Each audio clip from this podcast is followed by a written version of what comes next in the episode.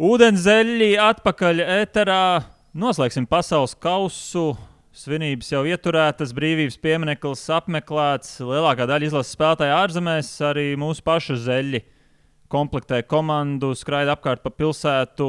Esmu šoreiz palicis te viens pats, bet super labā kompānijā.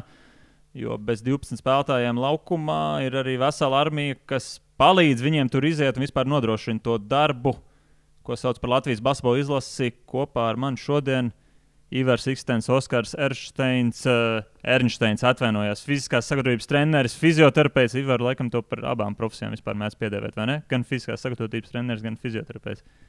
Taisnība bija atkarībā no tā, kurā postenī es esmu, kur es atrodos, un tad man piedēvē to, kas sanāk izdevīgi tajā variantā. No Oskaram izdevīgi būt fiziskās sagatavotības trenerim. Nu, es salīdzinu ar Ivaru, esmu šaurāk loku speciālists. Kā, jā, ja vajag padomu, es eju pie Ivara.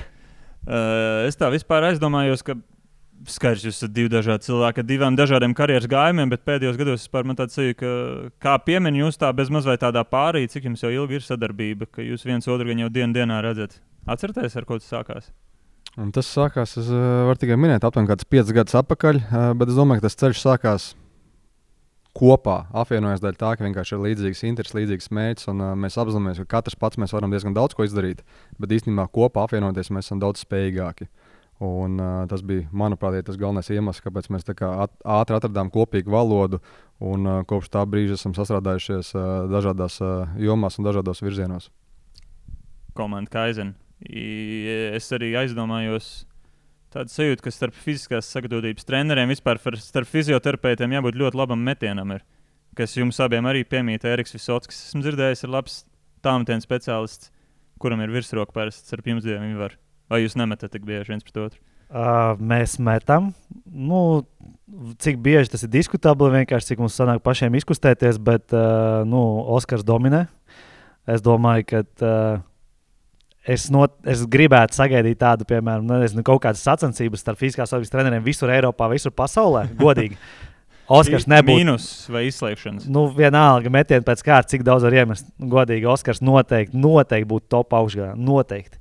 Man nav kauns zaudēt Oskaram. Es varu zaudēt kādam izlases spēlētājam, bet Oskaram man nav kauns zaudēt. Nu, tā. Esmu bijis, uh, tas bija krastmačā, kad bija slapjš laukums, lija, viss slīdēja. Es nevarēju uzpaliet, izskatījos drausmīgi. Man šeit Oskaram bija kaut kāds no 8, no 10, varbūt tādu kaut kas tāds. Es tā pieņemu, ka tev tā norma ir. Bija pāris. Pāris iekrīt. Paldies Ivaram par labiem vārdiem.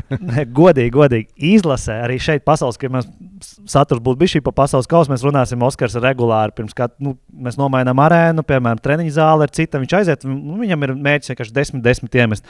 Nu, tas, principā, ir kaut kādiem nu, diviem, trim gadījumiem, nu, kad viņš aizmet divas reizes garām, un tad viņš atkal desmit, desmit iemet. Nu, tā, brīvi. Es domāju, ka tie, kas spēlē basketbolu, saprot, ka tas nu, nav tik vienkārši aiziet un desmit, desmit iemest. Arī tie, kas profesionāli to dara dien dienā. Nu, tā. Tad man ir labi. 10, 10. Katrā zālē. Oskars jau pats, pats nesaka. Tad paldies, paldies Ivar, ka tu atnācis. Zinām, redzot, arī šo fronti nosegt. Vēl viena tev trešā profesija. Uh, skaidrs, ka pasaules kausa kaut kādā mērogā mums tādā uzmanības centrā. Vakar sanāca runāt ar vienu no VF leģendām, nu, no padomu laikiem. Viņš tā ļoti atzinīgi slavēja, ka Rekā Leiša pēdējā mačā vispār nekāda Latvijas izlase joprojām superīgi izskatās. Acīm redzot, kāds tur ļoti labi nostrādājis. Bet patiesībā mums jau laikam viss jāsāk ar janvāru, februāru, varbūt pat iepriekšējo novembri. Nu, tā mēs varam iet tālu atpakaļ, kad jūs, cik es zinu, ik nedēļu saņemat arī tādu garu PDF failu, tur kaut kādi 40, 50 Latvijas izlases spēlētāji. Un tā sakot līdzi, cik viņiem minūtes, kas viņiem ir noticis, cik jūs varat pastāstīt, cik jums ir realistiski izsakot līdzi tādā nedēļas griezumā. Nu, viens tur spēlē Stambulā, viens tur spēlē Vācijā, un cik vispār darbs ieiet. Es, pie, es jūs abi esat iesaistīti, cik man zināms. Jā, ceļš līdz uh, pasaules čempionātam ir īstenībā bijis ļoti garš, un uh, mēs sākām viņu pirms kvalifikācijas kvalifikācijā uh, pie tukšām tukšā zālē, tukšā arēnā. Un uh, esam tikuši tik tālu. Tas darbs ir uh, vairāk kā tikai darbošanās uh, FIBA logu laikā vai, vai lielo ciklu laikā, jo tiek uh, pēc būtības gan visu laiku konstantē tiek ievākta informācija, jo informācija palīdz mums pēc tam veidot to, to treniņu plānu un to procesu un saprast, uh, kurā virzienā mēs īsti vēlamies iet. Vairāk tieši par to statistikas pusi atbild uh, basketbola treneri. Viņi ievāc par katru kandidātu informāciju par to, kur viņi spēlē, kā viņi spēlē, cik bieži viņi spēlē, kādas spēles izlaiž. Uh, medicīniskais stāvs, uh, mēs esam sadalījuši spēlētājus uh, par to, par viņu veselību vairāk mēs skatāmies komunicējam gan ar viņiem pašiem, vai mēs runājam ar attiecīgo komandu uh, doktoriem vai fizioterapeitiem, arī ja kādas lietas parādās, kādas traumas, lai arī tajā brīdī, kad spēlētāji pievienojas Latvijas izlasē, mēs, mēs varam turpināt viņu iesākto darbu. Un tādā veidā gribētu ticēt, izveidojas tāda laba tāda atgriezeniskā saite, kad klubs īsti nebaidās uh, palaist spēlētāju izlasē, jo zina, ka tas treniņu process ir kvalitīvs. Un uh, kad mēs, nu, arī, arī spēlētājs jūtas drošāks, ka, ir, ka viņš nav tā kā pa vidu iemests. Jums būtu 40 dažādiem fizioterapeitiem apkārt Eiropai, pasaulē jāpazīstas. Nu, kaut kādā mērogā jāveido uzticība. Un tas īstenībā labi izveido tādus kontekstus, jo tiešām jā. sanāk runāt. Nu, katram ir kādi pa 15 spēlētājiem, bet jā, tā kā ir izveidojušās tādas jaunas. Uh, Negluži attiecības, bet tādas uh, zinā, zinām cilvēki, ar kuriem ik pa laikam var parunāt un vienkārši sakot arī līdz viņu uh, tam dzīves un uh, profesionālajiem ceļam no vienas komandas uz otru. Es jūs kaut kā daudz pusēm, ja? Latviešu tieši. Mums jā, dalām vairākās kategorijās. Savādāk vienam, vienam cilvēkam tiešām būtu ļoti grūti izdarīt. Protams, galvenais par, tīpaši, ja ir kaut kāds nopietnāks veselības problēmas, par to ir atbild uh, sporta ārsts mūsu Mārtiņš Pulvers, bet tā par ikdienas sīkumiem mēs katrs. Jā, man liekas, ka klausītājiem vienkārši vairāk jāsaprot tas, ka darbs ne, nav nesākās tikai tas, kad mēs to spēlētāju pirmo reizi ieraugām. Vienkārši tas darbs īstenībā ir iepriekš, un tā plānošana tam līdzīgi ne tikai tā procesa, bet arī tā, tā komunikācijas izveidošana tiešām ar tām vietām, kur viņas piemēram spēlē. Un, uh, tur viņiem arī Oskars varēja vairāk pastāstīt. Arī ir uh, iknedēļas, ikmēneša tā tādi mītīņi, kur treneriem jāpiedalās. Viņiem nu, nezinu, ne tikai no basketbola puses, bet arī nu, uh, treneri prasa vienkārši kā no veselības puses, kā notiek tas process un tam līdzīgi. Man liekas, ka nu, neskatoties uz šo pasaules kausa gatavošanos, tas uz tiem iepriekšējiem logiem vienkārši tas ir tas īstenībā apjomīgākais darbs, kas tev visu laiku ir jāveic. Un tad tu aizbrauc tajā, kā ir nezinu, savāds komanda, ir kaut kāds lokus. Un tad, ok, tu tos apmēram tos augļus sāc plūkt, ko tu iepriekšējos vienkārši mēnešos visu laiku izdarīji. Bet, klau, es tā esmu arī novērojis, dzirdējis, ka nu, Latvijas izlases puišiem ļoti labi uzticis.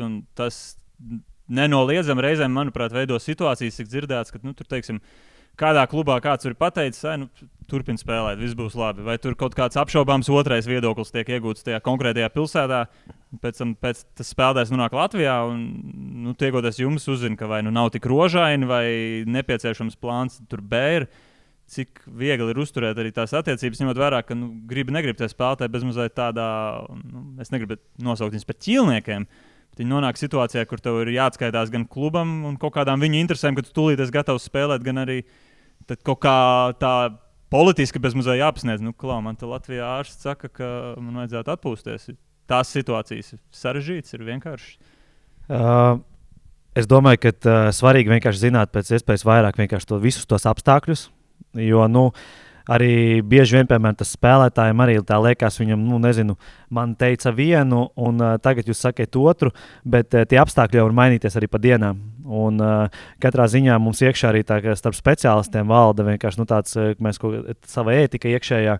Un, uh, nu, mēs nekad nesakām, apmēram, ka tur, tur nezinu, ir slikti un te ir labi. Nu, tā, tā tas vispār nav. Un, jo mēs arī nezinām tos apstākļus, kā, kā tas nonāca. Mēs dzirdam tikai to vienu pusi, bet tur ir iesaistīts gan arī tas nezinu, terapeits, uh, varbūt galvenais treneris, varbūt klubs, viss pats par sevi.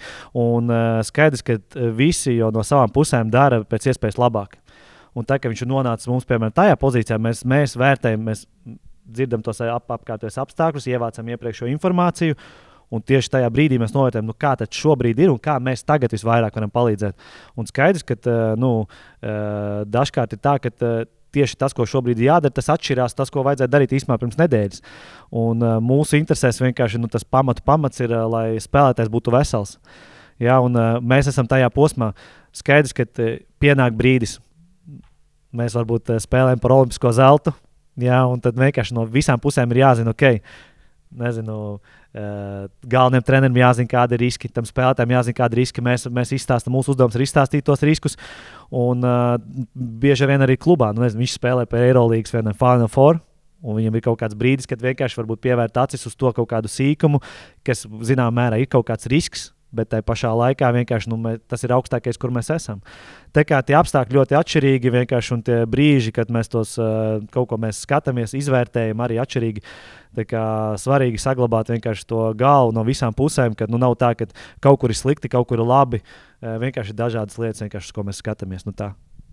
Jā, komandas snieguma rezultāti un spēlētāji tādu tā arī devumu laukumā ietekmē daudz faktoru. Un, uh, Uh, viens no tiem galvenajiem ir vienkārši tas, ka spēlētājiem jājūtas labi. Ja, kāpēc viņam jā, kā, kā viņš var justies labi? Tas iespējams viss sākās ar komunikāciju. Ar to, ka uh, ir skaidrs zināms tas process, ir skaidrs zināms kaut kādas rehabilitācijas fāzes vai treniņa fāzes, lai viņš saprotu, kāpēc mēs darām to, ko mēs darām. Un, ja, ja, ja sportists to saprot, tad iespējams arī atdeve ir labāka. Ja atdeve ir labāka, tad arī tas iegūms būs labāks. Un tas cerams arī kaut kādā veidā ietekmēs to, to rezultātu. Tā kā ir ļoti grūti pateikt, kas tieši kurš faktors visvairāk ietekmē to rezultātu. Bet nu, tas nav iespējams sasniegt augstu rezultātu, ja, ja spēlētājs nejūtās labi komandā vai nejūtās uh, pārliecināts par savu veselību vai par, nav pārliecināts par kādu personāla uh, spējām un prasmēm darīt savu lietu labā līmenī.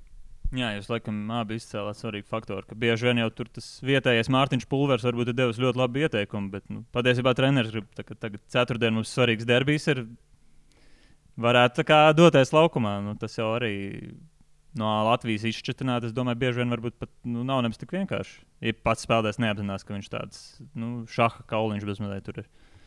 Nu, konteksts ir ļoti svarīgs. Un, ja tas, piemēram, ir sezonas vidus un uh, nav mazsvarīgu spēļu, bet, ja ir kāda spēle, kas varbūt nav tik, tik liels nozīmes, tad to spēlētāju var, piemēram, ok, mēs plānojam tur divas nedēļas, nu, mēs tās divas nedēļas varam paņemt. Bet, ja mēs runājam par kaut kādiem playoffiem, kur katrai uzvarai ir nozīme, tur būs, nu, var, var runāt, ok, mēs kaut kādā veidā varbūt riskējam, bet nu, mēs saīstam tās divas nedēļas, piemēram, uz nedēļu. Jebkurā gadījumā jāstāsta situācija diena no dienas, mēs varam uzlikt plānu mērķi, bet tāpat mēs katru dienu paskatāmies, kur mēs ejam. Vai mēs ejam pareizā virzienā, ja ejam super, ja mēs neejam, ok, kur ir problēma, vai mēs nepareizās uh, reklamācijas programmas izmantojam, vai vingrinājums, vai, nu, vai vienkārši mēs neesam sapratuši, kas pa vainu ir īsti.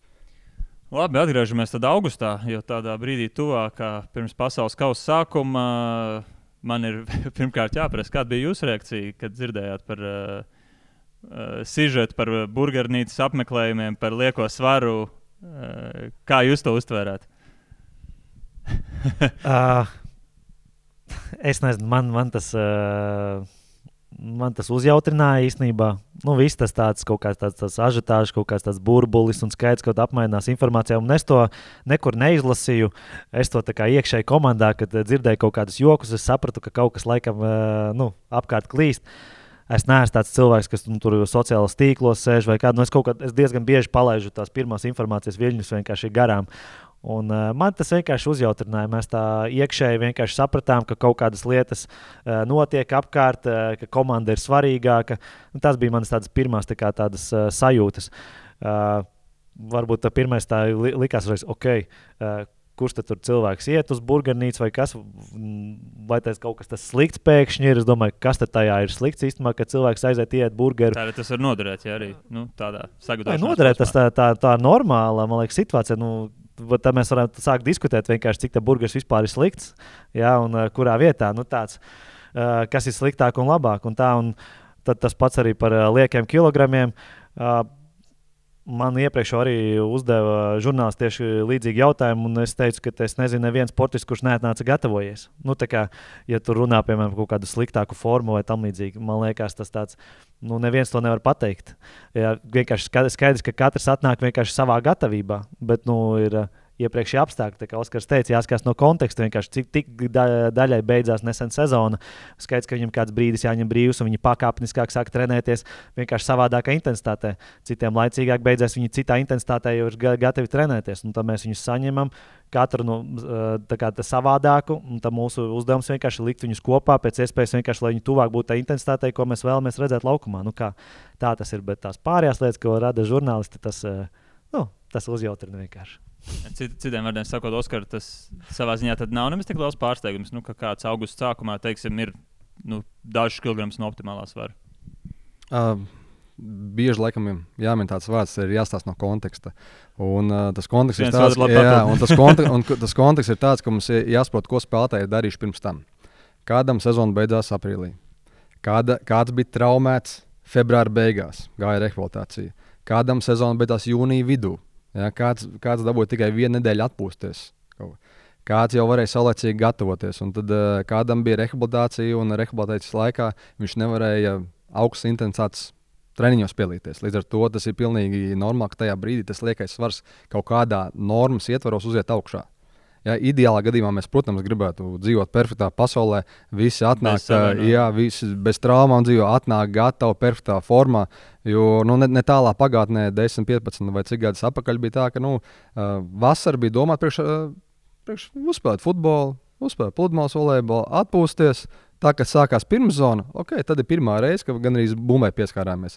Tā situācija ir pilnībā mainījusies, krāsa, un uh, spēlētāji ir ļoti apzinīgi. Viņi, viņi saprot, ka tas uh, primārais vasaras uh, darbs ir savas veselības kārtībā, ja bija kādas sūdzības. Nākamais darbs, ja mēs esam veseli, tad mēs domājam par kaut kādu progresu. Jo tomēr sezonas ietvaros tas darbs vairāk ir uz komandu. Jebkurā gadījumā mēs cenšamies ar to indālo pieeju, bet vasarā tas indālais iegums var būt daudz lielāks, kā tas var būt sezonas laikā. Tā kā nu, arī jā, nu, jāsaka, ne viss nav ne balts, ne melns. Arī kaut kāda ažiotāža, tas nozīmē, ka cilvēki tomēr interesējas, ja raksta vai, vai labas lietas, vai sliktas lietas. Bet, nu, piemēram, Marija tur arī kaut ko minēja, ka, piemēram, bija kāds pat pieņēmies svarā. Arī jāstāsta no konteksta. Varbūt mēs gribam, lai svarā pieņemās, ja ir pārāk mazs svars. Tā kā nu, tas viss ir, kā mēs redzam, ciparu vai kaut kādu tekstu, bet kas aiz tā viss slēpjas un kāds ir īstenībā tas mērķis. Nu jā, tad laikam katram 12 vajadzētu detalizēt iet cauri, lai mēs varētu kaut cik izsacināt, kuram kāda vajadzētu būt tas var. Vēl viena tāda lieta, kas gan jau plaši tika apspriesta, kur no ārpuses arī grūti ir uh, iedziļināties un saprast, kāda ir reālā situācija. Kā plus mīnus uh, tādā fiziskā ziņā bija ar izlasi tajā daudz apspriestajā spēlē pret Lietuvu, kur tā mīnus 30 gan jau bija daudziem no, no malas skatoties augsta duša, kur mēs tiekamies ar pasaules līmeni. Un, un, un, un, dabūjam iekšā. Vai tur mums realistiski bija tajā vakarā, cik jūs gan jau pietiekami precīzi atceraties no tādas fiziskās, uh, funkcionālās gatavības, precīzāk turēties pretī? Vai tas arī kaut ko parādīja vairāk? Uh, jā, atkal atgriežoties pie tā, kas veido rezultātu. Un, uh, bieži mēs klasiski, ja spēle neiet no rokas, fiziskais. Fiziskais ir slikts. Un, uh, Sēžam mājās. Nu, tā nav pirmā reize, kad mēs to dzirdam. Jā, bet to rezultātu tiešām veido tik daudz tie faktori. Un, ja mēs skatāmies tādus četrus galvenos atlītus, būtu, protams, būtu tā fiziskā puse, būtu taktiskā gatavība, piemēram, vai mēs esam sagatavojušies uh, pretinieku uh, spēles stilam, ir uh, tehniskās spējas, piemēram, kādas ir mūsu tehniskās spējas, zinātu ar pretinieku, un certā būtu mentālā puse. Ja? Kaut kur mēs varam atrast arī lietas, piemēram, par atjaunošanos, par laika zonu maiņām, par pretinieku maiņām, par nu, daudz dažādu faktoru. To, to visu ietekmē. Uh, iepriekšējās spēles mums īstenībā tas sarunas cikls bija ļoti labi izveidots, kad pēc būtības visas pārbaudas spēles līdz Taivānai bija, bija Rīgā. Līdz ar to mēs varējām tiešām uh, fokusēties uz kval, kvalitīvu treniņu procesu. Un tad mēs aiz, aizlidojām. Pirmā spēle mums arī īstenībā bija grūta par spīti tam, ka mēs vinējām Puertoriko, jo tomēr tas ceļš, ceļš bija garš. Un, ja nemaldos, var... atvainojos, pārtraucis ceturtdienā lidojāt, jau sestdienas vakarā vai svētdien spēlējāt. Uh, bija tā, ka spēlētāji lidoja par ah, jā, 14, par kaut kādām Jā, par kaut kādām 14 stundām ātrāk, lai viņiem būtu vairāk laika atjaunoties.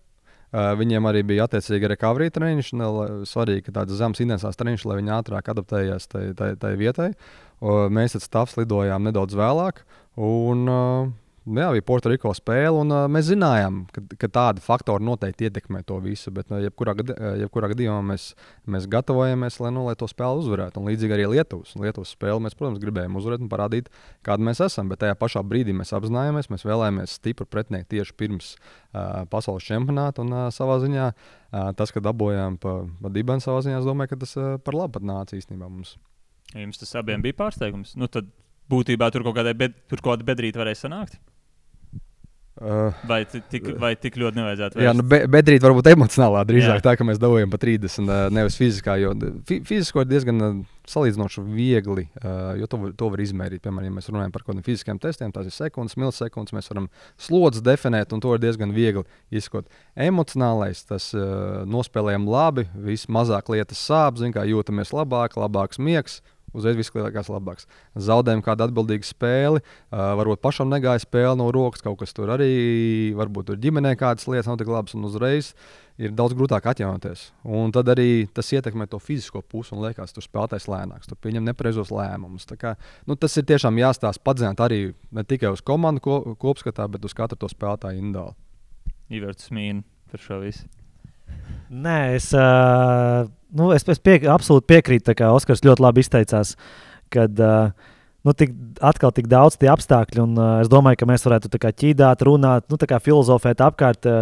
Uh, Mēs varam arī kaut kur konkrēti vienkārši pateikt, vai, bet uh, par bēdri vienkārši jautāju to jautājumu. Nu, tas ir tāds, liekas, ļoti klasisks, tāds iesakņojies un tiešām. Un, Un tas, Oskar, un tas apliecina arī, ko Oskars sākumā vienkārši teica, jā, mēs slikti spēlējam, o, mēs sliktā fiziskā sautībā uzreiz, o, mēs kaut kādā bedrē. Nu, tā īsti nav. Te atkal tā kā Oskars pieminēja, tie četri faktori, viss vis ietekmē visas tās lietas. E, treneri regulāri saka, ok, šis nav atlētis, šis nav ātrs spēlētājs. Okay, uz basketbola laukuma es saku, bet, nu, bet varētu būt īstenībā tā, ka. Nu, Es, tā nav mūsu izlasē, bet es saku, piemēram, vec, kur viņš uh, visātrākais, piemēram, 20 metros īstenībā bez bumbas. Paņem bumbu, viņam ātrums samazinās. Tātad tā tehniskās spējas īstenībā samazina viņam to ātrumu. Ja? Pēc tam viņam vēl pieliek kaut kādas taktiskās lietas, vienkārši, oh, kaut kas viņam parunā fonā, vienkārši tev jāievēro šis. Viņa ātrums vēl ievē, nu, nokrītās. Tas nozīmē, lai viņš uz lau laukuma izskatītos ātrs, viņam jāspēlē diezgan vienkārši basketbols. Vai, nu, un tad viņam vēl mentālo pusi vienkārši to motivē, motivāciju pieliek vienkārši klāt vai kas. Un, un viņš vēl, vai viņš dara to ar pilnu atdevi vai nedara pilnu atdevi. Un beig beigās mēs tos faktorus saliekam kopā nu, es varu izmērīt, vai viņš ir ātrs vai nē, bet uz, jūs no televizora skatāties, vienkārši liekas, wow, tas knapi velkās. Bet varbūt, tās visas, bet varbūt tās pārējās trīs lietas varbūt to vienkārši ietekmē, nevis tā fiziskā puse. Un skaidrs, ka nu, mums iekšēji jāatbild uz to jautājumu, kas viņam ietekmē. Nu, mums treneriem ir tas, eh, tā ir tā atbildība vienkārši katrs. Tikai mums tā pateicīgi ir, ka mēs esam tajā sfērā, ko ir viegli mērīt. Okay? Tad uh, taktiku nu, es domāju, ka jo augstāks klases treneris viņš arī saprot, vai tā taktika viņam ir, nu, cik, cik pret to grupu viņa ir sarežģīta. Tehniskās jau ir grūtāk īstenībā novērtēt, jo tas ir ļoti subjektīvi. Mēs redzam, o, skatāmies mūsu labāko spēlētāju, nu, viņš ir tehnisks. Okay, cik tehnisks pret to nākamo spēlētāju. Tad to ir ļoti grūti arī pasaules sportā. Vienkārši nu, daži, daži, ne tikai basketbolā, bet citos sporta veidos grūti novērtēt. Kā mentālo pusi, okay, mēs skatāmies uz to ķermeņa valodu, vēl kaut ko. Nu, tā ļoti grūti, tas ir ļoti subjektīvi. Okay. Jūs vispār, man, man radies iespējas, ka jūs neesat tādi pārāk stresaini cilvēki. Esat mierīgi. Vai jūs piekrītat abi? Jautājums, kādā situācijā? jo, nu, tomēr tas augusts, es domāju, arī jūsu karjerā, dodoties pasaules kausā, tas ir relatīvi tāds uh, unikāls notikums. Labi, skaidrs, strādāts ar klubiem, viss kaut kas redzēts, arī ar izlasēm neskatāmies reizes, bet pasaules kausa ir pasaules kausa.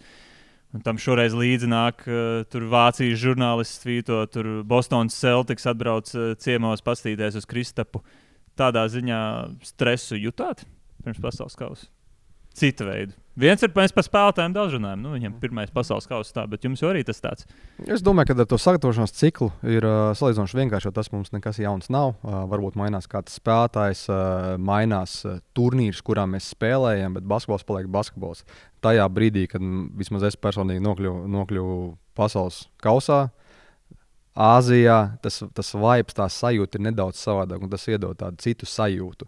Bet, uh, nu, jebkurā gadījumā arī Latvijas valsts pārstāvot, tas uzreiz ir tāds gan, gan lepnums, gan arī atbildības sajūta. Tas iedod papildus slogu. Un tas, cik fokusējušies spēlētāji bija uz to pirmo Libānas spēli, tas bija. Nu, Tiešām bija nu, prieks no malas skatīties, jo uh, man gribētos teikt, ka mēs likām viņiem izsīties slidāk, nekā, nekā viņi īstenībā bija, bija kā komanda. Tas varbūt savā ziņā arī sakrīt to, ko Ivars teica, man bija tā laime vai nelaime skatīties daudzas gan Libānas izlases spēles. Pēc tam radās iespējas, ka tā Latvijas un Kanādas pirmkārt tālmetiena, kas neļauj viņiem skriet, un otrkārt kaut kāda mūsu fiziskā gatavība, tas ir tas stāsts, par ko tu teici. Kad viņiem ļāva pret Franciju un citām komandām varbūt parādīt mazliet to tehniku, mēs redzējām, ka nu, nav jau arī viņi tik tā funkcionāli slikti gatavi. Vienkārši tie Latvijas trumpi lika viņiem, pat, kā nu, tavos vārdos sakot, nespēt parādīt savu tehniku Skaidrs, ka nebija augstākā tur varbūt gatavība dažiem spēlētājiem, bet nu, arī viņiem bija kaut kāds pasaules līmenis. Uh, jā, noteikti. Uh, nu, nezinu, 11 gados, un īstenībā basketbolā vēl ilgāk, ir kaut kāda acis uz basketbolu man noteikti ir. Un, uh, es nemēģinu, nemēģinu būt basketbola treneris, bet nu, es paskatos to basketbola spēli. Man liekas, ok, nav slikti. Mēs īstenībā ar Oskaru uh, bijām istabiņā, un uh, treneri bija nu, kopējā čatā tur kaut kāda video par Libānas spēli un tam līdzīgi, un to kopējā spēli. Un es uzliku, vienkārši skatos, un es tā Oskaram saku, ok, laba komanda. Jā, īstenībā laba komanda. Un tāds, uh, tie spēlētāji, protams, nepazīstami. Bet, uh, okay, bet nu, tāds tu tā skaties, tu īsti nevari saprast, par ko viņi tur spēlē, kas ir tas, nu, kas, kāds tas līmenis ir. Bet katrā ziņā nu, tā bija neziņa. Man liekas, arī cik es basketbola treneriem esmu dzirdējis tās intervijas, ko viņi saka, vai iekšā mēs runājam. Nu, tā, nu, tas bija tāds nezināmais, uz ko mēs gājām, un arī kā visi reaģēs. Bet tas, kā Oskars saka, ka tā nākamais, ka mēs redzam to spēlētāju vienkārši to fokusu, un tas ir tas personīgi, ka, ko es gribu redzēt vispār sportā, kā tādā. Vienkārši to lielu fokusu, to lielu atdevi. Ja, tas ir tas, kas nu, man rada kaut kādu prieku. Un uh, par mieru runājot, to iepriekšējo jautājumu, pašā sarunas sākumā varam atgriezties. Tas bija pirmais, ko mēs ar Oskaru satikāmies. Uh, man liekas, ka tā, tā bija tāda Oskara iniciatīva. Vienkārši viņš teica, ok, aiziesim vienkārši pusdienas iest, vienkārši kaut ko parunāties. Un tā bija man tāda pirmā sajūta par Oskaru. Īstenībā, jā, ok, tāds uh, mierīgs cilvēks, nezinu, tāds pragmatisks, nezinu, vai pareizi to vārdu lietoju, bet nu, tā, kad uh, struktūrēti vienkārši mēs tur pārunājam, tam līdzīgi, bet nu, tāds tas miers. Uh, ja, kas man liekas, eh, man bieži vien tādi atbaidi tādi ļoti ekspresīvi cilvēki. Nu, kas vienkārši tādi liekas, tā ļoti emocionāli tas un tas.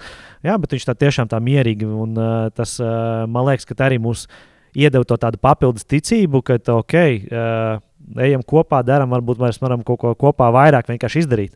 Ja man tā pārliecība noteikti, ka kopā var vairāk, bet vai tas ir tas otrs cilvēks, ir tas, ar ko tu kopā vairāk, tu līdz galam to nezini, bet tā sajūta uzreiz no tās pirmās sarunas uh, radās. Tā kā tā, pamieru.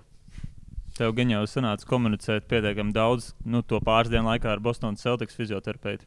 Vai kaut ko sev varēja paņemt no tādas pieredzes?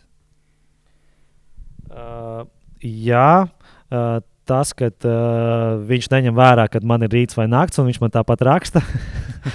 Gan jau nereiķināt tās septiņas stundas tā pirms katra apziņas, tā cik būs izvērsta. Es domāju, ka viņš uh, rēķināja to, ka uh, es uzreiz nevarēšu atbildēt, ka mums būs vēl spēles vai vēl kaut kas treniņu process. Viņš vienkārši ļoti labi saprot to kā, nu, virtuvi, kā tas notiek, vienkārši procesu, un kad man ir laiks, es atbildēšu. Vai es varēju kaut ko paņemt? Noteikti mēs mēģinājām, centāmies paņemt vienkārši pēc iespējas vairāk. Ar viņu arī komunicējām, ka viņš bija uz vietas, skatījāmies vienkārši to Bostonas vienkārši sistēmu, iekšā viņš mums parādīja. Gan tāds vienkārši liekas, kā viņi lieto grafiku, kā tas izskatās vizuāli, jo Latvijā mēs tādas lietas arī gribam realizēt, tā kā sistēmiski parādīt kaut ko. Es domāju, ka mēs arī daudz ko viņam varam parādīt un iedot to, ko mēs jau esam radījuši. Varbūt visa pasaule to nav redzējuši, un uh, viņam ir tāda pozīcija, kur noteikti mēs no viņa skatāmies uz augšu. Bet uh, viņš bija ļoti, ļoti sakarīgs cilvēks. Uh, Un uh, noteikti arī kā, izturējās pret mums arī tā, ka viņš varētu no mums iegūt uh, jautājumu, mums jautājumus. Tāpat tāds, tāda sinerģija bija tāda apusēja, tas vienkārši uz abām pusēm gāja. Bet uh, nu, mēs zinājām ar Oskaru, ka nezinu, cik daudz reizes mums būs tāda iespēja vienkārši kaut vai redzēt iekšēji, kā tas Bostonas Celtics vienkārši viss plāni, viss izskatās. Un mēs nu, ķērāmies pie darba, jautājām. Jā, nebijām tie latvieši stāvētāji malā, bet uzreiz vienkārši prasījām, lūdzu, parādi, cik tu vari. Protams, nu, visu jau viņš noteikti nedrīkst rādīt. Tā ir kaut kāda darba struktūra, ja izceļas. Nu, agrāk es būtu kautrējis, bet es tāds diezgan tieši jautājums uzdevu. bet tā ir darba struktūra, es pareizi saprotu. Gan tāds... par visu, par, nu, mēs esam tiešām, mums ļoti patīk tāda sistematizēšana, jo tas veid, palīdz kā, veidot to, ka um, tas, tā kvalitāte procesa nav atkarīga tikai no viena vai no diviem cilvēkiem uzreiz nu, tā komanda vai uzņēmums var būt uh, lielāka ieguvēja. Tāpēc mēs uzdevām tādus tieši jautājumus saistībā ar to, kā viņi veic rehabilitācijas, kādi viņiem ir protokoli. Jā, kādas pie kaut kādām konkrētām traumām, tur ir kādus testus viņi veic, kā notiek komunikācija, cik liels stāvs ir, kurš par ko atbild. Tā vienkārši mēs jau arī nu, no jebkura cilvēka var iemācīties. Ja, nu, īpaši no tādiem, kas tomēr strādā augstākā līmenī. Nu, man gan ir, diem, diemžēl, tādas mazas bažas, ka gan jau par kaut kādu daļu jūs nu, kaut cik sapratāt, bet uh, tur arī slēpjas tas fakts, ka viņiem ir tāda desmit Oskaru univeru vai ne tajā stāvā, un tas arī palīdz lielāku darbu apjomu paveikt.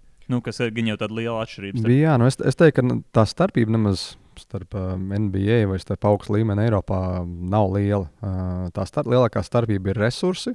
Un tas re, tie resursi var izpausties uh, cilvēciskajā faktorā, darba rokās, un tas var izpausties uh, finansiālajā pusē. Uh, Jā, jo arī mēs esam, kā mēs esam vairākas tādas jaunas, innovatīvas lietas mēģinājuši aizsākt īpaši no testēšanas puses, bet pagaidām uh, savā ziņā uh, nu, daļa lietas uh, mēs vēl neesam gatavi uzņemt.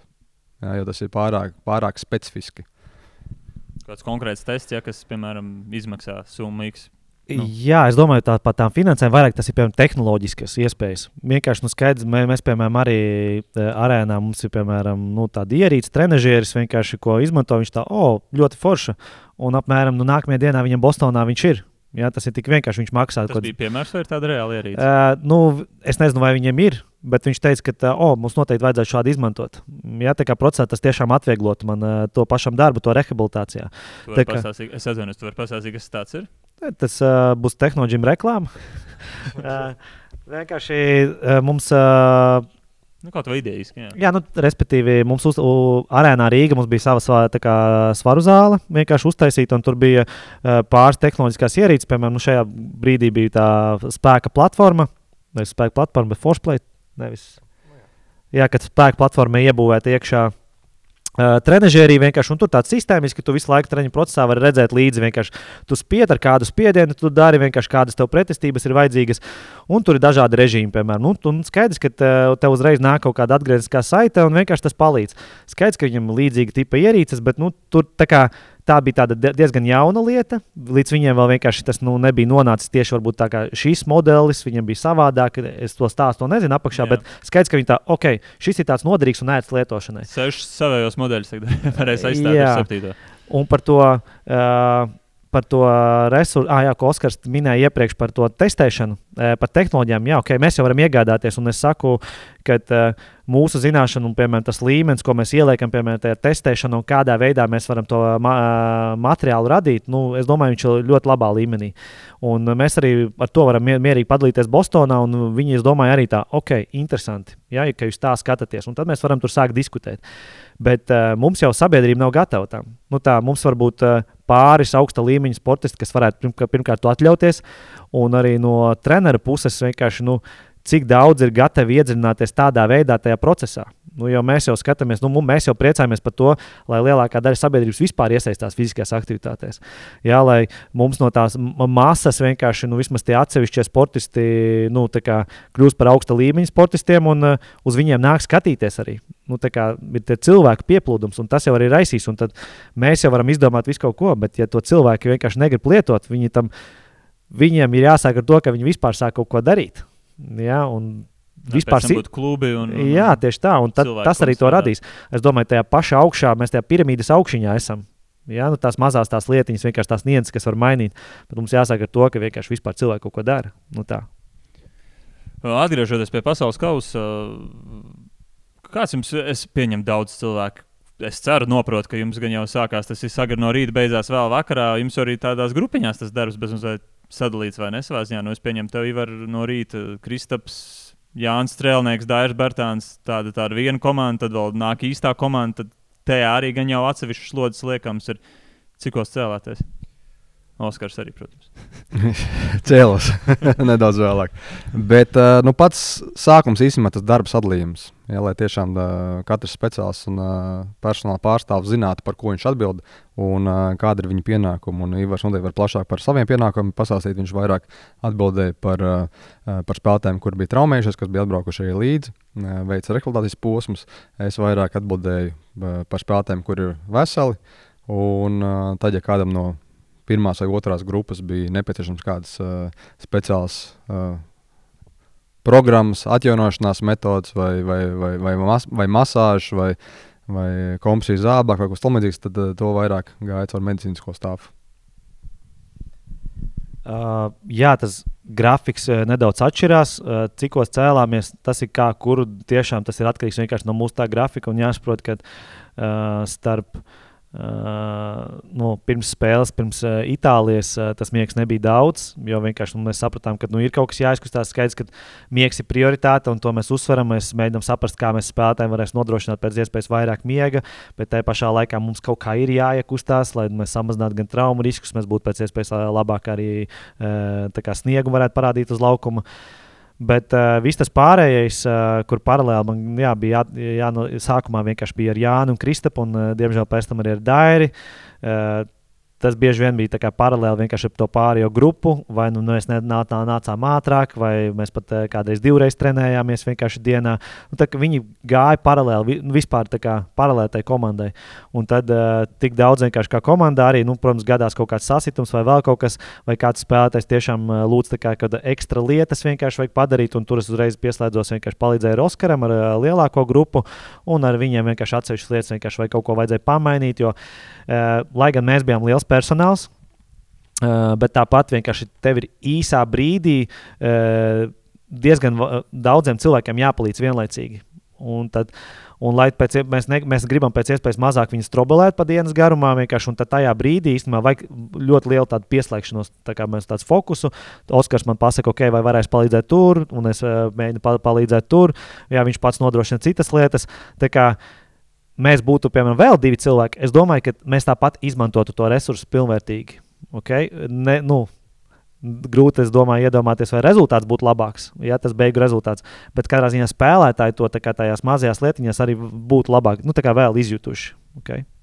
Niansēm jau nozīmē sanāca novērot, nu, piemēram, tādu spāņu uz uh, Eiropas čempionātu pagājušajā gadā uh, ceļoju. Nu, man izstājās uz acis divreiz lielāka sastāvā nekā nu, tur tie paši Gruzīni vai, vai, vai, vai kas tur. Šajā kausā viņam bija trīs fiziskās savas treneri. Nu, redz, nu, redz, jā, kas arī gan jau parāda to, kāda viņiem ir iespējas tērēties. Uh, viena no nu, patiešām mīļākajām teorijām, ko es dzirdēju pasaules kausa laikā, vai pat īsi pirms, ir arī no vienas VF leģendas, ka redz, varējām pieteikt Kristapu kā 12 no spēlētāju, visu laiku uzturēt uh, tādu iespēju, ka viņš varētu vienā brīdī pēkšņi spēlēt. Kaut kā mēs aizcīnīsimies līdz fināla, finālam, tad finālā aktivizējam Kristofru Porziņu. Viņš dodas laukumā, Latvijai zelts. Kaut kādā kosmiskā scenārijā līdz finālam tas būtu bijis iespējams. es, es, es atbildēšu. Nē, es atbildēšu. Jā, tas, uh, Nu, atkal tas, mēs atgriežamies pie tā, ko iepriekš minējām par tām četrām pusēm - tehniskā, taktiskā, mentālā un fiziskā. Neapšaubām, Kristaps ir nu, superklases spēlētājs. Viņš mums komandā arī pacelt noteikti tā kā, tādā citā dimensijā, bet tas nenozīmē, ka mēs tur labāk spēlētu. Vienkārši tā dimensija, būtu, dimensija būtu cita. Bet atgriežoties, tas tas līmenis nav slikts. Tas, tas līmenis nav pa zemu Kristapam. Nu, tā, es domāju, ka viņš eh, tādā veidā mēs varētu runāt, ja mēs piedalītos kaut kādā no nu, zemākās raudzes, kaut kādā turnīrā. Varbūt tas nav izlaša turnīrs, kur kāds spēlētājs vienkārši pēc ilgākas laikas nespēlēšanas pēkšņi var ierutēt tādā tik svarīgā spēlē un tādu ļoti lielu pienesumu nest. Nu, tā mēs tādas lietas vispār neapsveram. Tas uh, nav reāli. Es pusi pa jokam. Jā, jā, tas ir tāds, nu, vienkārši tā atbildot uz to joku. Uh, skaidrs, ka teorijā kaut kas tāds vispār ir iespējams. Bet uh, cik tas reāli kaut ko mainītu, tas ir. Nu, to var tikai spekulēt, diskutēt. Mēs šādās sarunās varam parunāt. Bet, uh, jā, cilvēkiem jāsaprot, tas nav tikai saistīts ar to, vai esmu vesels vai nē. Jā, bet uh, tas ir saistīts vienkārši vai es vispār. Jo tādu intensitāti, kā basketbola spēlē, ir ļoti grūti dabūt treniņu procesā, un kur nu vēl intensitāti spēlē, kura kaut ko nozīmē. Okay? Tā pavisam tad, tā kā, nu, jebkurš spēlētājs, kurš ir spēlējis augstā līmenī, vienkārši nu, pateiks, kā viņš jūtas treniņā, vienalga, cik grūts tas treniņš vai kāda intensitāte nodrošina komandas biedrs vai treneris. Un kāda intensitāte, nezinu, plēvu spēlē, kas kaut ko izšķir pēdējā momentā, vēl kaut kas. Uh, tam īsti tu treniņu procesā īsti nevar sagatavot, un kur tā vēl es uz uh, kušetītes vai tur uz svaru zālītē. Tas ļoti tāls ceļš līdz tai reālajai spēlei. Es atceros, Oskar, tu pēc laikam, tās Francijas uzvaras, pirmās superlielās uzvaras, uh, manam vārdu Reinim teica, ka nu, Latvijas izlase jau nevar atļauties tā braukt uz turnīru, un tagad tur rēķināt, ka mums svarīgākie mači būs uh, sazin, kurā kārtā. Nu, arī atgriežoties tajā realitātē, mēs vispār nezinājām, cik tālu mūs tas pasaules kausa aizvedīs.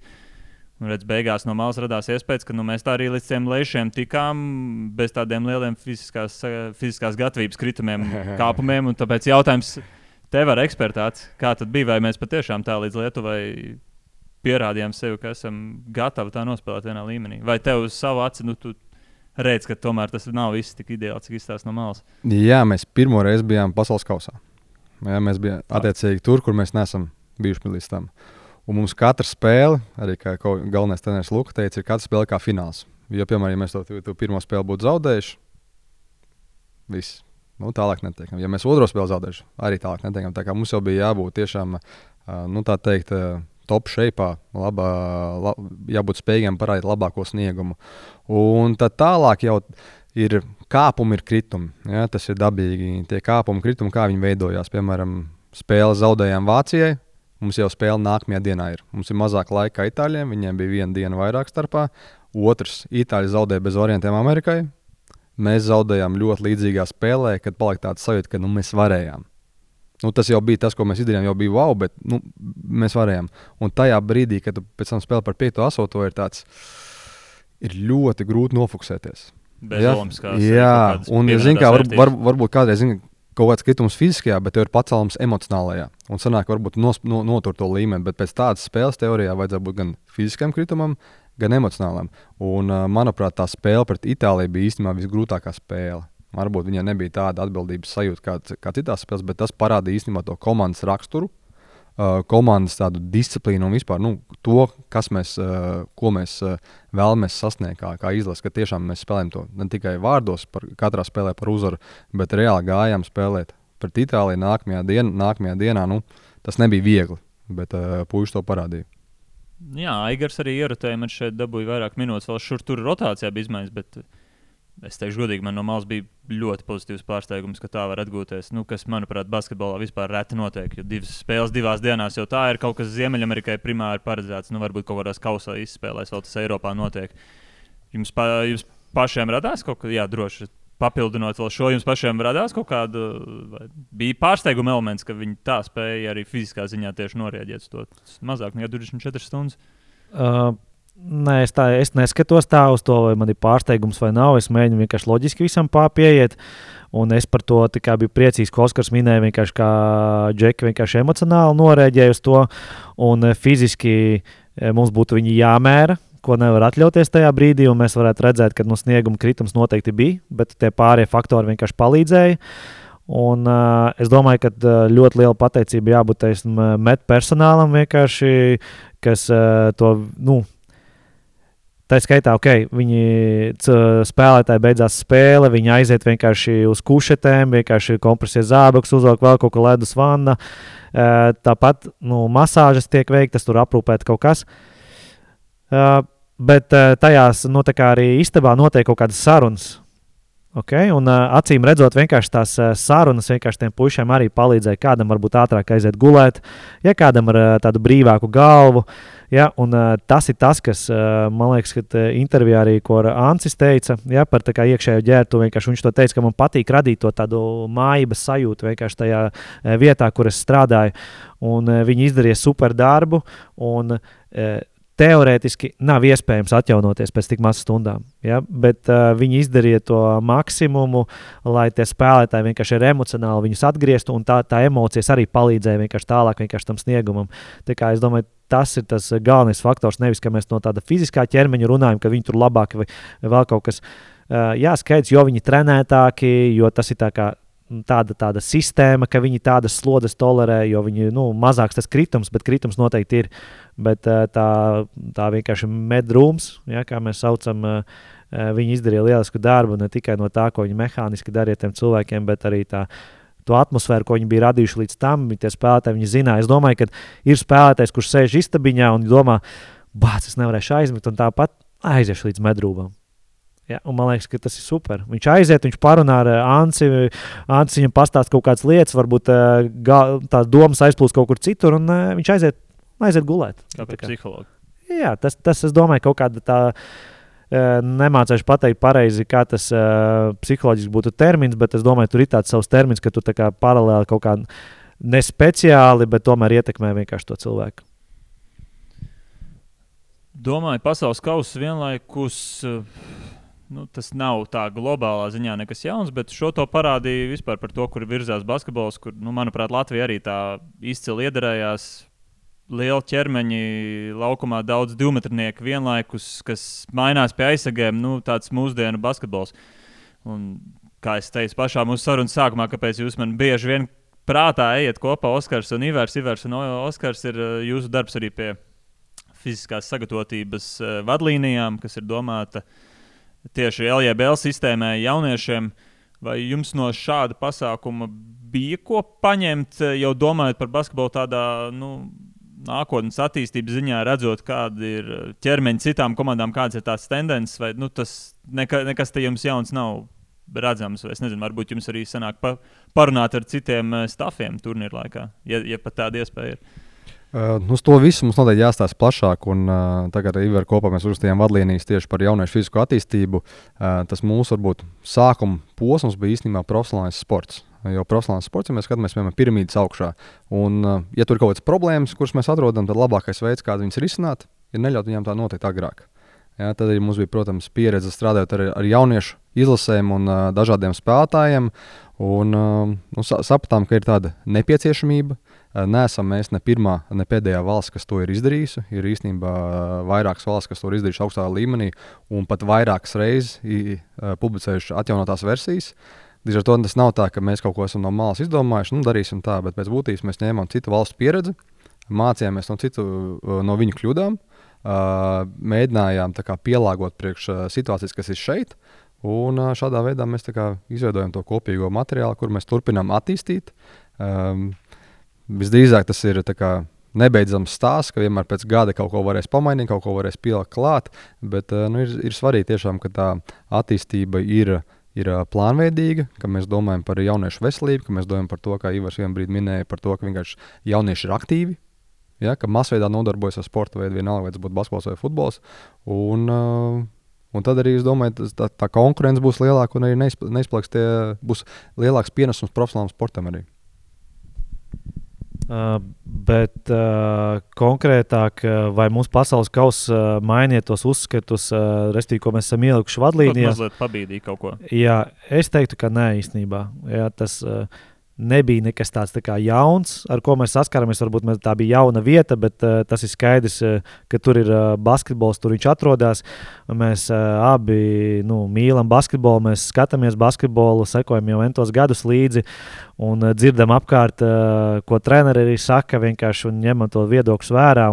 Tas nebija nekas tāds mums wow Ja, mēs zinājām, un mēs, mēs varbūt tā cenšamies to visiem stāstīt un mēģināt radīt kaut kādu materiālu, lai tas tā būtu. Bet nu, tas izskatās svarīgi. Nu, tad uh, basketbols ir fizisks. Okay? Un, uh, uh, nu, basketbolam jābūt kustīgam, mobilam un tam līdzīgi. Ja? Un tas, nu, ja tu nevari paskatīt basketbolā mūsdienās, nu, tad uh, diezgan grūti sasniegt to augstāko līmeni. Uh, bija vēl viens jautājums, kas bija šī izkritēka no gala ah, par uh, to, vai mēs runājam ar kādiem cilvēkiem. Tā bija. Un, uh, tur ir iespējams, un ir iespējams vienkārši satikt arī nu, tādas uh, pasaulē.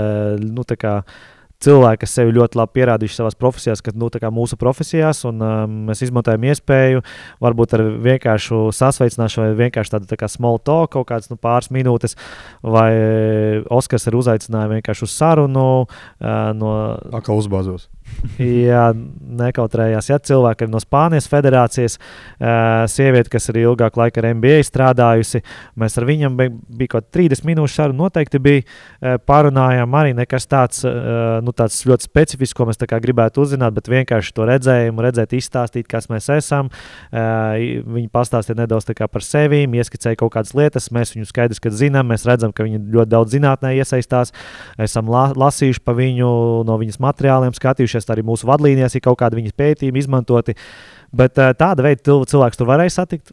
Tas, tas man radīja tādu, tādu tā siltumu sajūtu, ka te viņi visi ir un mēs tā arī esam. Un uh, arī runājot ar viņiem un redzot, kā viņi darbojās, es uh, neredzu, ka mēs kaut kur esam sliktāki. Jā, tas man arī tā, kā, tā patīk, tā sajūta. Skaidrs, ka mums arī ir, ir kur mācīties, tāpat kā visur pasaules sportā, visiem ir kur mācīties. Uh, bet uh, nu, tas man radīja to uh, Eh, tādu arī tādu vēl ekstra tādu pārliecību, ka mēs esam uz tā pareizā ceļa. Eh, tikai jāatrod veids, kā pēc iespējas vairāk cilvēkus uz tā ceļa uzvest un iesaistīt. Un tas ir tas mūsu, man liekas, tāds izaicinājums, ka, ar ko mēs saskaramies. Izaicinājums nav daļai la atrast laiku pamācīties, es tā izdomājos.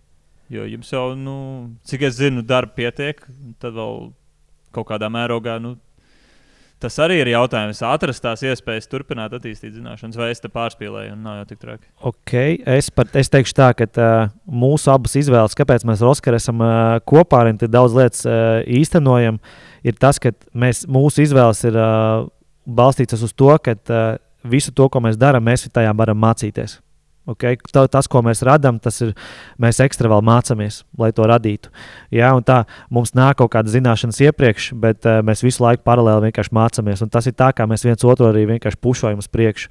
Es domāju, ja mēs katrs ietu atsevišķi, uh, mēs būtu kaut kur uh, apstājušies, iesteknējuši, jo nu, būsim reāli. Tas stundu skaits ir diezgan mazs tajā diennaktī. Ja? Mums ir ģimenes, uh, visapkārt kādas lietas, un uh, mums arī nu, beig beigās ir kaut kāda iztika jānopelna, lai mēs varētu izdzīvot, lai mūsu dzīves kvalitāte kvalitāti varētu nodrošināt savu.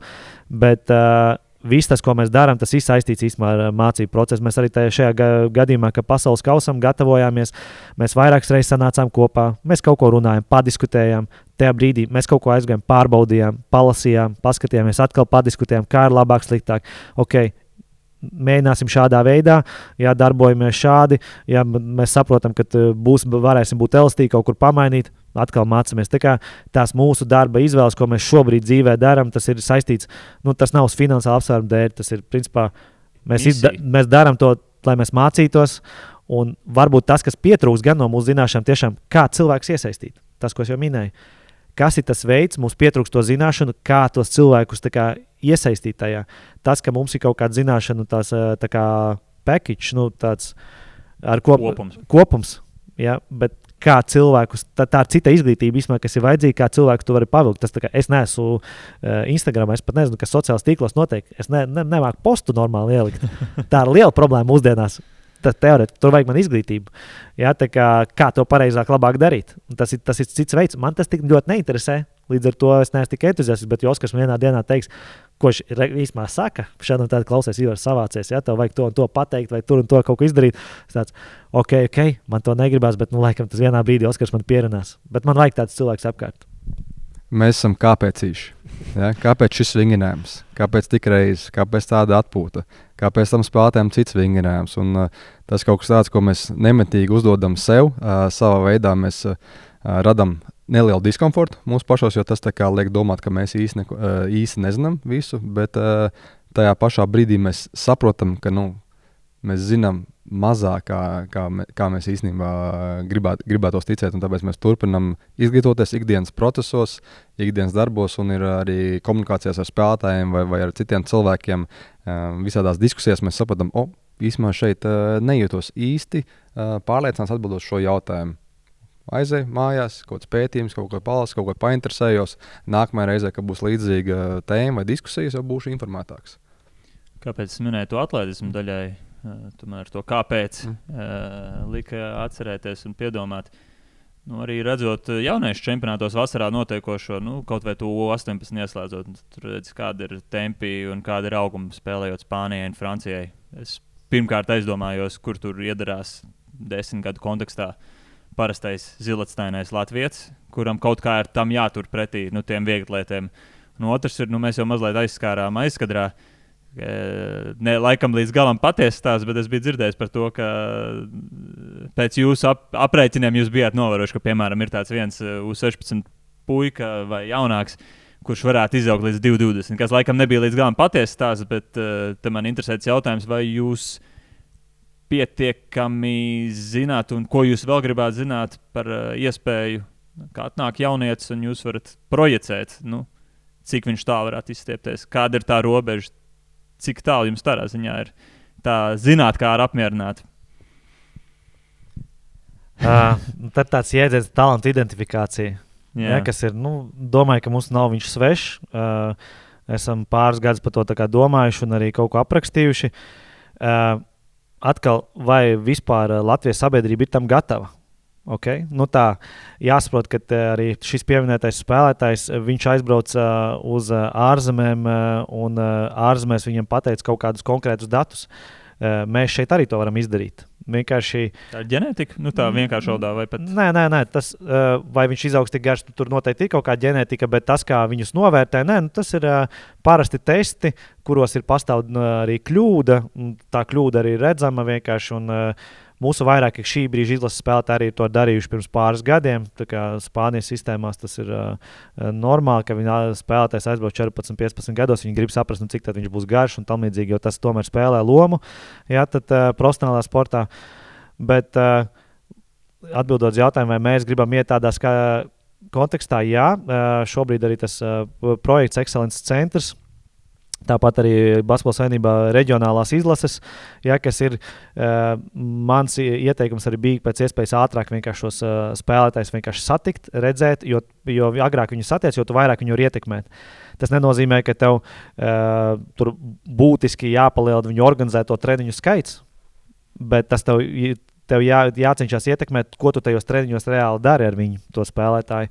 Un jo ātrāk atpazīst, piemēram, spēlētāju, kurš var, varbūt tiešām ir kritisks un kritisks tajā brīdī, kurš varētu īstenībā ļoti izaugt.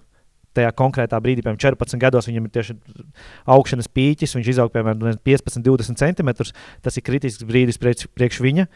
Un, ja kāds spēlētājs izaugt 15, 20 centimetrus tajā vecumā, tas nozīmē, ka viņš varētu būt tie divi metri un virs. Un, uh, Un tas ir tas vecums, kad, ja viņš nesamazina, piemēram, slodzes apjomu, viņam iespējams kaut kas sāk sāpēt, viņam radās kaut kāda nepatika pret to sporta veidu, viņš pamet. Ja, un to statistika arī pasaulē rāda, ka tas ir tas vecums, kad visbiežāk arī pamet. Ja, un, tāpēc tas ieteikums vienkārši Basketbola savienībā arī un ieviesti šie projekti, lai pēc iespējas tos jauniešus ātrāk satiktu, lai izglītotu tos trenerus, lai izglītotu tos vecākus, vairāk par to runātu. Un, nu, Mēs esam ma Latvija ir maza, īstenībā mums ir viegli. Mēs it kā zinām tos visus spēlētājus, tepat jau viņi visi ir. Bet tāpat šad un tad kāds paskrien garām, vai šad un tad kāds varbūt nav dzirdējis to īsto informāciju. Ja? Un, tādā veidā mēs viņus savedam. Uh, vairāk mēs, mēs jūtam no basketbola senības, ka mēs viņus vairāk tādā veidā varēsim ietekmēt. Mēs varēsim kaut ko prognozēt, paredzēt. Jo savādāk, ja mēs viņus satiekam tikai 16 gados, mēs tikai retajam varam iedot kaut ko tādu unikālu, kas tiešām var ietekmēt viņa to karjeru. Jā, mēs viņu mentāli varam tur taktiski ietekmēt, fiziski viņu varam padarīt spēcīgāku vai, tur, piemēram, izturīgāku, atletismu. Uh, Nu tā, 14, 13, 15 gadi. Jā, noteikti, jā, kustība kontrole noteikti tajā vecumā, 16 gados kustība kontrole, vai viņš būs labāk. Ja viņš ir izgājis cauri kaut kādiem, nezinu, pagalmiem, caur kaut kādām vienkārši treniņiem, vai viņam paveicies ar to treneri, bet tas nav sistēmas rezultāts. Ja, tas ir vienkārši, ko treneris pats par sevi ir domājis, kas ir labi un tas ir super. Bet sistēma nav izaudzinājusi to treneri. Sistēma nav teikusi tam trenerim, ka klausies, tā ir labi darīt, tā kā tu dari. Jo mums ir, nu, mums ir daudz labu spēlētāju. Jāatzīst, daudz labu spēlētāju. Vienalga, ko mēs spēlējam tur B divīzijā vai kas, bet mums ir daudz labu spēlētāju. Eh, vai 20 gados grūti spriest. Bet 16 gados, ja kas iziet, mums ir, mums ir spēlētāji, kurus mēs redzam, un tāpat arī lielā izlasē. Mēs redzam, ka mēs esam piektajā vietā pasaulē, ja, un nu, noteikti tas nav treneru nopelns. Tas ir spēlētāju nopelns. Būsim reāli. Vecāku. Jā, vecāku nopelns, kas iepriekš vienkārši to vi, visu kopumā darījuši. Vai tas ir sistēmas rezultāts? Uh, nu, kāds man noteikti nories, bet es teiktu, nu, tas nav noteikti sistēmas rezultāts, ka mēs esam piektajā pasaulē. Okay? Tas ir šīs grupas eh, kaut kāds nopelns. Ja to spēlētāji, tas vairāk tas nopelns. Bet uh, sistēmiski nē, nu, tur, kā minēja, vecāki noteikti iesaistījās tajā attīstībā un tam līdzīgi. Tam līdzīgi. Ja, tad sistēmas rezultāts būtu, ka mēs gadu no gada spētu sasniegt to rezultātu. Nu, Tūlīt tam, ja, tur, protams, ir veiksmes faktors viena spēle.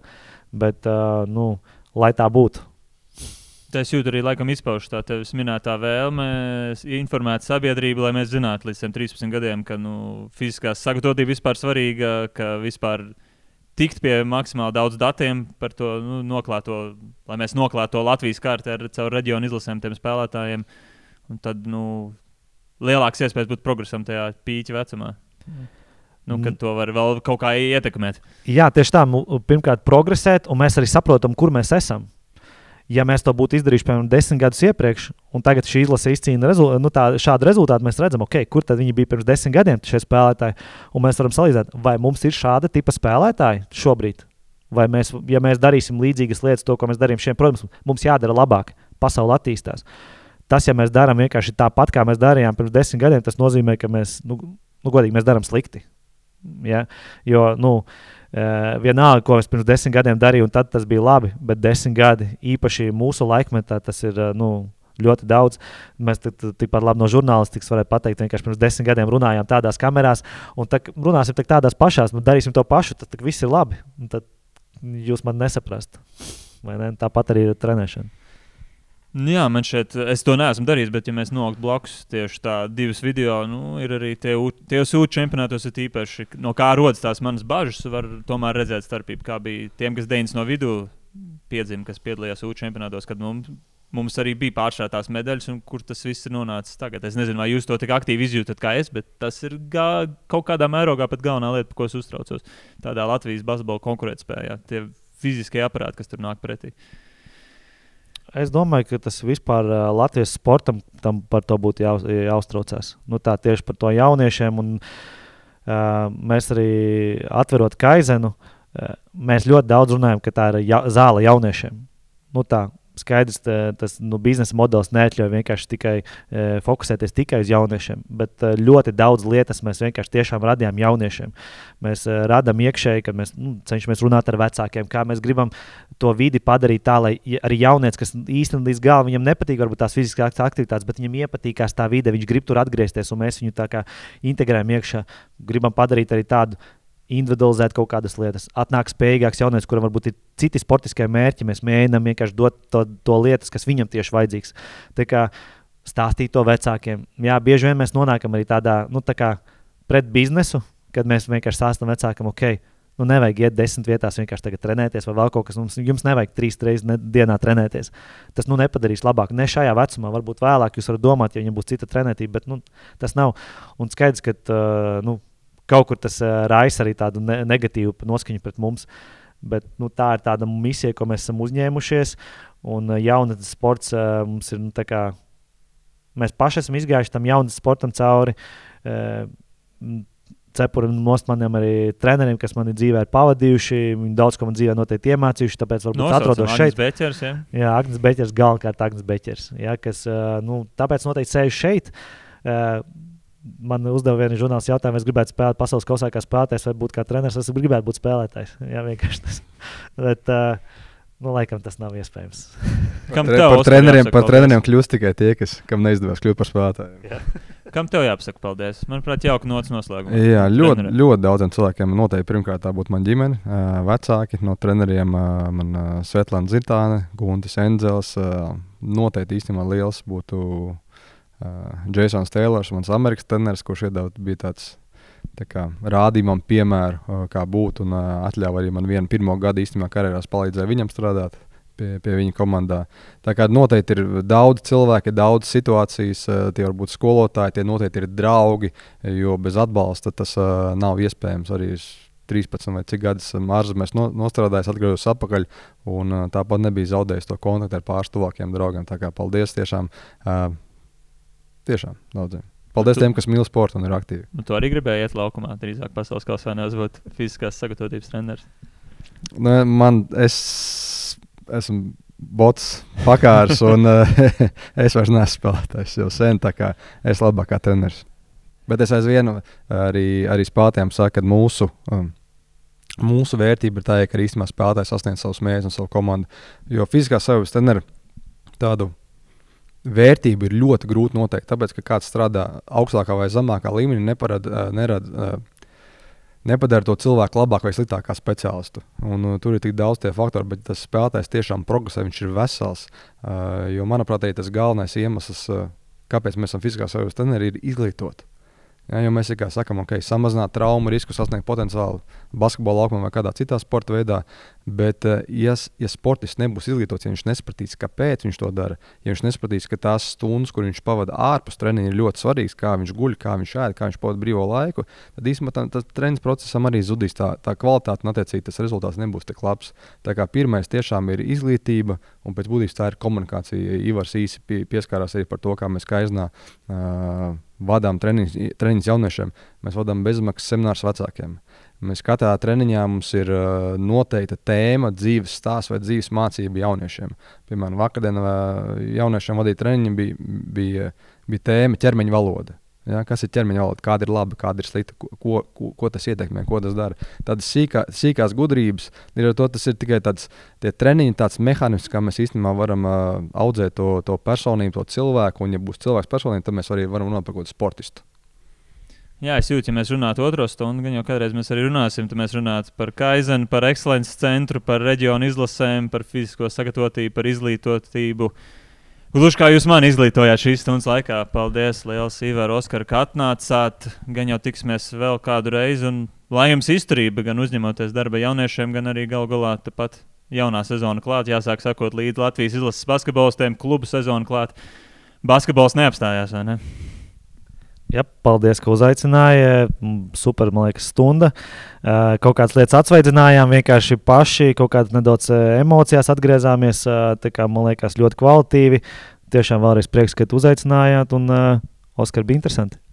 Bija ļoti interesanti. Paldies. Esam aktīvi, esam veseli, sportojam un esam laimīgi. Tas pats galvenais. Man prieks to dzirdēt. Ko man vairs pielikt? Paldies visiem ūdenzēļu skatītājiem. Tiekamies jau pavisam drīz. Čau!